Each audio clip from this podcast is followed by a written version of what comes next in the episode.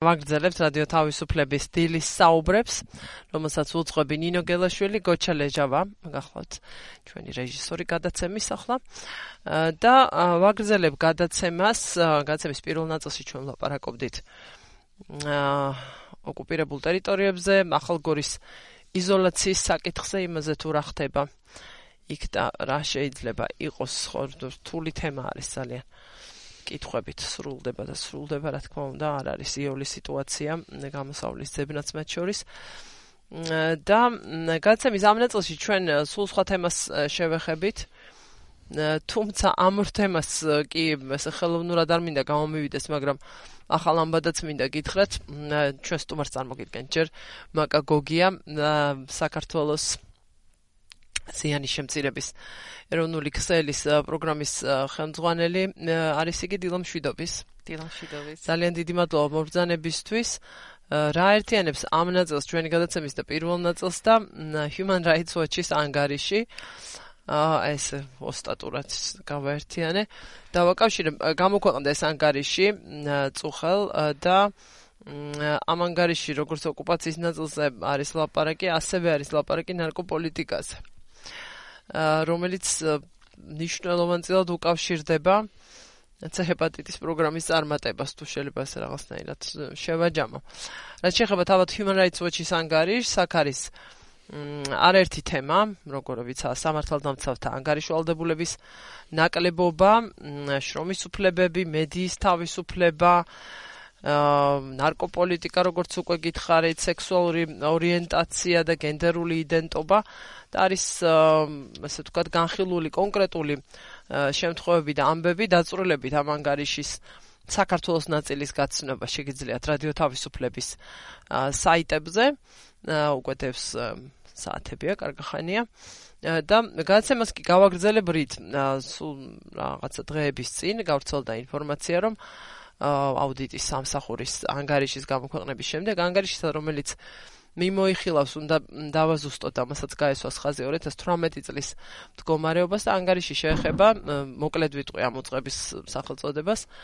რომ თხოვოთ გრძელობას სრულად ვერ ვიტყვი ახლა. ჯანდაცვის სამინისტროს ჯანდაცვის სამინისტროს მუშაობის ანგარიში გახლავთ საქმიანობისა და იქ იყო ერთ-ერთ ნაწილში ასე ვთქვათ აღნიშნული იმის თაობაზე, რომ გარკვეული რაოდენობა მედიკამენტებისა სამკურნალო საშუალებების, რომელიც ჰეპატიტის მკურნალობისთვის არის საჭირო, სხვადასხვა ტიპის მედიკამენტების ერთი რაღაც ძველი ნაწილი იყო ადრე რაც გამოიყენებოდა და მეორე შედარებით ახალი ვადაგასული იყო, ასე ვთქვათ. რომ ისე მოხდა რომ მოხმარების garaშე მოკლედ გამოუსადეგარი შეიქნა, იქ მითითებული იყო როგორც რაოდენობა, ასევე ფასი. ამ მედიკამენტების. ამან ძალიან დიდი პროტესტი გამოიწვია, რაც ბუნებრივი იყო. მ პრინციპში იმ თვალსაზრისით, რომ აი ისიც კი ვერ მოახერხეს, რომ თქვათ ეს ადამიანებს გამოიყენებინათ, ვისაც ეს სჭირდება. თქვენთვის დარწმუნებულია, რომ ეს კონკრეტულად ეს ინფორმაცია რაღაცა დიდი სიახლე არ იქნებოდა. და მით უმეტეს ორი წლის წინანდელ ამბავს ეხება და ამ ყველაფერში ჩართული ხართ. რა შეასაქმე რეალურად?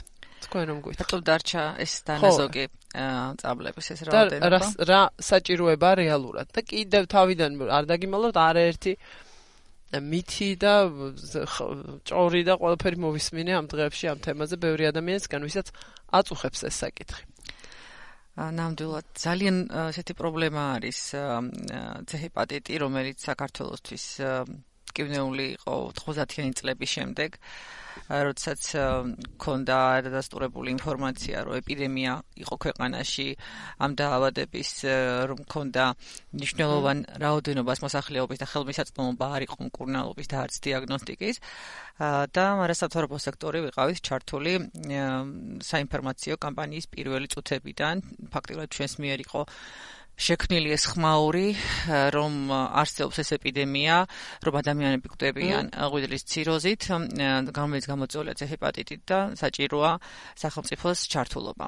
დაახლოებით 2010 წლის ბოლოდან დაიწყო ეს კამპანიები და უკვე 11 წლიდან ყოველწლიურად ელიმინაციის პროგრამის დაწყებამდე წელიწადში რამდენჯერმე ვაკეთებდით ესეთ ფოკუსირებულ გასვლებს, საინფორმაციო კამპანიებს, ეროვნულ კამპანიას, ესე ვთქვათ, 28 ივლისს აღნიშნავდით ჰეპატიტების დღეს, სადაც გამოდიოდით ქუჩაში სიტყვით ვამბობდით, რომ ეს ეპიდემია იყო მისახედი.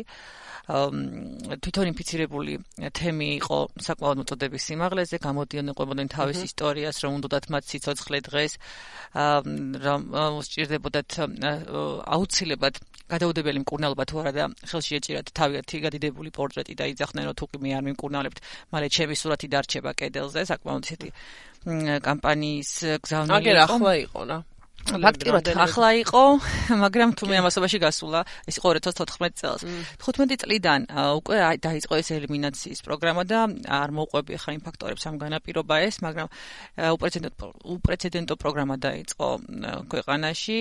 იმის გათვალისწინებით, რომ სხვა ევროპულ დასავლურ ქვეყნებსაც არ ქონდათ ეს პროგრამა გაფიქრებულიც კი და აღარ ვამბობ უკვე ჩვენი რეგიონის ქვეყნებზე, სადაც პრობლემა ყველგან მწვავე იყო, მაგრამ საქართველოსნაირი მწვავე მე მგონი არ იყო ეგვიპტის მერე ვიყავით ჩვენ მეორე ადგილზე ამ გავრცელების მხრივ. შეისწავლეს ჩატარდა საკმაოდ ისეთი კვლევა, მასშტაბური კვლევა დაავადებათა კონტროლის ცენტრის მიერ და ამერიკის დაავადებათა კონტროლის ცენტრის მიერ ერთობლივად და დადგინდა რომ ქვეყანაში სამკურნალო იყო 150000 ადამიანი. საკმაოდ დიდი რიცხვი არის ეს პატარა ქვეყნისთვის, როგორიც ჩვენ ვართ. აჰა. და დაიწყო. ეს კურნალობა გაკეთდა გათვლები პირველ ეტაპზე უნდა ჩართულიყო მხოლოდ ციროზის მქონე პაციენტები ვისაც თქვა თქონდა ღვიძლის ძიმე ფორმა დაავადების ძიმე ფორმა და ეს 5000 ადამიანი უნდა განისაზღვრა და მე ყოველწლიურად 20000 ადამიანი უნდა ჩართულიყო რაც ესე იყო გაწერილი ექსპერტების მიერ გარეშე ექსპერტების მიერ. ის თლიანად მათ მიერ შედგა ეს გეგმა. კი ქართველი ექსპერტების მონაწილეობდნენ მაგრამ ეს გეგმა ჩვენ ესე ქვია თაგი treatment technical advisory group. გარეშე ტექნიკური მრჩეველთა საბჭოს სოფლიოს წამყვანი ექსპერტები, ჰეპატოლოგები, საზოგადო ჯანაცვის ექსპერტები იყვნენ ჩართული და მთელი ეს გათვლები შემოშავდა მათ მიერ. ანუ წელიწადში 20000 ადამიანს უნდა ემკურნალა და პირველ წელს ამან გაამართლა, ანუ 2016 წელს, როდესაც უკვე მოიხსნა ბარიერი და ყველა ინფიცირებულ შეეძლო ჩართვა, 21000 ადამიანი ჩაერთო, ნაცვლად 20000-ისა, მაგრამ ეს ის ხალხი იყო, ვინც უკვე იცოდა, რომ ქონდა ინფექცია და უკვე ეძებდა მკურნალობის გზებს. უკვე 2017 წელს გართულდა ამ ადამიანების პოვნა, ნაცვლად 20000-ისა მოვიდა 14000, 2018 წელს 20000-ის ნაცვლად მოვიდა 10000. უკვე მნიშვნელოვანი ვარდნა მოხდა პაციენტების მომართვიანობის მხრიდან. რა არისო გათვალისწინებული დასაწყისშივე? აა იმისთვის რომ აი ეგ არ მომხდარიყო.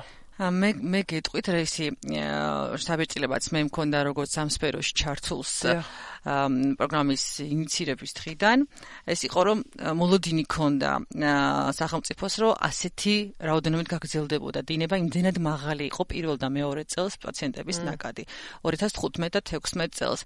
გვეგონა რომ ეს ინერცია მე გეტყვით მეცაც რომ პირიქით იყო შიში იმისა რომ სამედიცინო სისტემა აი ამ მოწოლას ვერ გაუძლებდა და მაქსიმალურად იწერებოდა გეგმა როგორ გაფართოებულიყო გეოგრაფიულად და რამდენად მოეწრებოდა არ იყვნენ თქვათ რეგიონები რეგიონებში ექიმები მზად, მათი მომზადება უნდა მომხდარიყო, ანუ პირიქით ეშინოდათ, რომ აი ამ დაწოლას ვერ გაუძლებდა სამედიცინო სისტემა, მაგრამ ასე არ მოხდა. მერე ჩატარდა ბარიერების კვლევაც უკვე 2018 წელს. ბარიერების კვლევის დადებიდან იმის ამოქმედებამდე გარკვეული პაუზა იყო. შესაბამისი ქმედების ქმედებების დაწყებიდან, რაც პრინციპში არის გარკვეული ხარვეზი, უფრო სწრაფად რო ყოფილიყო რეაგირება უკეთესი იქნებოდა, ანუ რა აჩვენა ბარიერების კვლევამ, რომ საზოგადოების ინფორმირებულობა იყო დაბალი. აჩვენა რომ ფინანსური თანაგადახდა იყო კი ასევე დამშემოყოლებელი ფაქტორი. აჩვენა რომ გეოგრაფიული ხელმისაწვდომობა იყო ფაქტორი ანუ პატარა ქალაქებიდან უჭირდათ ყოველ ორ კვირაში წამლის მისაღებად პაციენტებს სიარული ანუ ეს ბარიერები იყო მოსახსნელი. ანუ ამან აი ამ ბარიერების მოხსნამ გარკვეულად წაიღო დრო და არც ისე ფლექსიბური აღმოჩნდა სახელმწიფო პროგრამა რომ ეს ბარიერები მაშინვე მოეგვარებინა კიდე კითხვა კიდე კი კი კითხვა იცით რა მაქვს კლავაც თქვენ ინფორმირებულობის საკითხი ბრძანეთ კლავაც აქტუალურია მაგალითად მითი მის შესახებ რომ ტყუილა ვინ რას გვაჩუქებს, კარგი რომ იყოს. და ან პირადად ვისმენ, მე ხა კვლევა ამაზე არ ჩამიტარებია ბუნებრივია, მაგრამ არაერთხელ მოვისმინე. ტყუილა ვინ რას მოგცემს, კარგი რომ იყოს, რომ იწევს ასეთი ხმა არის, კიბოს იწევს. და ცდასატარებენ ახლა საქართველოს მოქალაქეებზე რაღა ჩვენ გვაჩუქეს და სხვას რატომ არ აჩუქეს თუ კარგია ეს ყველაფერი ტრიალებს ამ ამის გარშემო ამ თემის გარშემო და ის ადამიანები ლაპარაკობენ რა თქმა უნდა ვინც თulis მე ვისგანაც მომისმენე ვინც შეიძლება თulides რომ რისკის ქვეშ არის და მას შეიძლება სჭირდებოდეს სწორედ ეს მკურნალობა რა შეიძლება აი ამ ამ განწყობებს და ამ ტიპის არ ვიცი რწმენას დაუკავშირ დაუპირისპიროს ნამდვილად ეს ფენომენი არის გამძარი. რა რა პასუხი შეიძლება მაგალითად დღეს ჩვენი ეთერიდან გავცეთ. და არაერთი გარეშე მტრებიც ამაში ხელს უწყობდნენ ამ კამპანიის, ასე ვთქვათ, არომატებლობას, რომ ამბობენ, რომ ეს მითებია, რომ რომ ეს პროგრამა არ კურნავს ეს წამალი არის შემოტანილი ამერიკების თებს ატარებენ ჩვენზე. კი, ამას პასუხობდით. იყო ერთეული პასუხები ჩვენ, ჩვენი ფარგლების ფარგლე, ჩვენი პროგრამის ფარგლების ზიანის შემცირების ქსელის სხვა სხვა სერვის ცენტრებში ამაზე პასუხობდით. შეხვედრები ქონდა ბენეფიციარებთან და ვეუბნებოდით რომ ეს ესე არ არის ეს საუკეთესო მედიკამენტია რაც ქვეყანაში რიგდება მაგრამ გაცილებით ხმამაღალი უნდა ყოფილიყო. რატო მოგცეს, რატო გვაჩუქეს, რა რატო ზრულავენ ჩვენზე? აა, თქვენი კითხვა ყველაზე დასაჯერებელი ეს აღმოჩნდა რომ ეს აღმოჩნდა და ამის რეალური მიზეზი არის ის რომ ფარმაკომპანია რომელმაც ეს პრეპარატი და რეგისტრირა, მას უნდა დაეჩვენებინა მთელი მსოფლიოსთვის რომ ის 70 მილიონი ადამიანისთვის რომელიც მსოფლიოში არის ინფიცირებული რეალურად არსებობს ხსნა არის ეს პრეპარატი და ეჩვენებინათ ისეთი პატარა ქვეყნისთვის როგორც საქართველოა, ასეთი მაღალი გავრცელების ინფექციის მაღალი გავრცელება იყო მნიშვნელოვანი მაღალი გავრცელება პატარა ქვეყანაში და ამ ფარმაკომპანია აჩვენა მსოფლიოს რომ აი მე დავიწყებ ამ პროგრამის ელიმინაციას ამ ქვეყანაში და ამის მაგალითზე ნახავთ რომ ეს ამ პროგრამასთან ბრძოლა თქვენი ქვეყნებისთვისაც შესაძლებელია ასევე მარტივადაც მოხდეს. ანუ რა თქმა უნდა ეს იყო სამაგალითო პროგრამა და მართლაც არის საქართველოს მაგალითი ამ ჩვენს რეგიონშიც ვიცით ბევრ ქვეყან სხვა კონტინენტებზეც რომ ამ პროგრამამ საკმაოდ სახელი მოიხოჭა იმ 58000 ადამიანის კურნალობა არ არის ცოტა ციფრი. ის რომ 1.770.000 ადამიანი უკვე დასკრინულია ანუ პროპორციულად რომ შევადაროთ მოსახლეობის 60% უკვე დასკრინულია ამ დაავადებაზე ესეც კაიმაჩვენებელი იმიტომ რომ ბევრ ქვეყანას ესეთი მაჩვენებელი არ აქვს რომ მისი ზრდასრული მოსახლეობის 60% არის და გამოკვლეული ამ ქრონიკულ ინფექციაზე. რამდენი უნდა იყოს მოწოდებულია რომ უნდა იყოს 90% გამოკვლეული ხო? დარჩენილი არის დაახლოებით 30% და უფრო და უფრო რთული ხდება ამ ადამიანების პოვნა ვისაც არ აქვს ჩატარებული. და მე მინდა აღნიშნო კიდევ ერთი გარემო რასაც ხა კითხულობდი და ექსპერტები ნაკლებად აღნიშნავენ. მიგრაცია ქართველების სხვა ქვეყნებში. ანუ გარკვეულად ჩვენ ზუსტად არ ვიცით რა რაოდენობის ადამიანი ცხოვრობს დღეს საქართველოში. რა რაოდენობის ადამიანი მათ შორის ინფიცირებული გავიდა ქვეყნიდან, რაც გათვალისწინებული იყო ამ პროგრამაში სამკურნალოდ, ხო? ეს უკვე დამატებითი კვლევის საგანი არის და ის ხალხი, ვინც მე გარკვეული პერიოდებით ბრუნდება ქვეყანაში, ხო? შრომითი მიგრანტები, მათი გამოკვლევაც უნდა ხდებოდეს, მათი მიდევნებაც უნდა ხდებოდეს, აეროპორტშივე უნდა სთავაზობდნენ ამ ადამიანებს, ჩაიტარონ ტესტი დაპირება, ანუ იმ ქართველ ქართველებს, რომლებიც ბრუნდებიან რაღაცა პერიოდით, ან სამუდამოდ საქართველოში უცხოეთში ხანგრძლივი ყოფნის შემდეგ. სპენელს და მაყურებელს შეგახსენებთ მაკაგოგია ჩვენი სტუმარის წარმოადგენს ზიანის შემცირების საქართველოს ქსელს. ჩვენ გადაცემის ამ ნაწილში ვლაპარაკობთ და ვასრულებთ უკვე აგერად წუთი ხა დაგვრჩა საუბრის დასრულებამ და ისე გარბის ხოლმე დრო.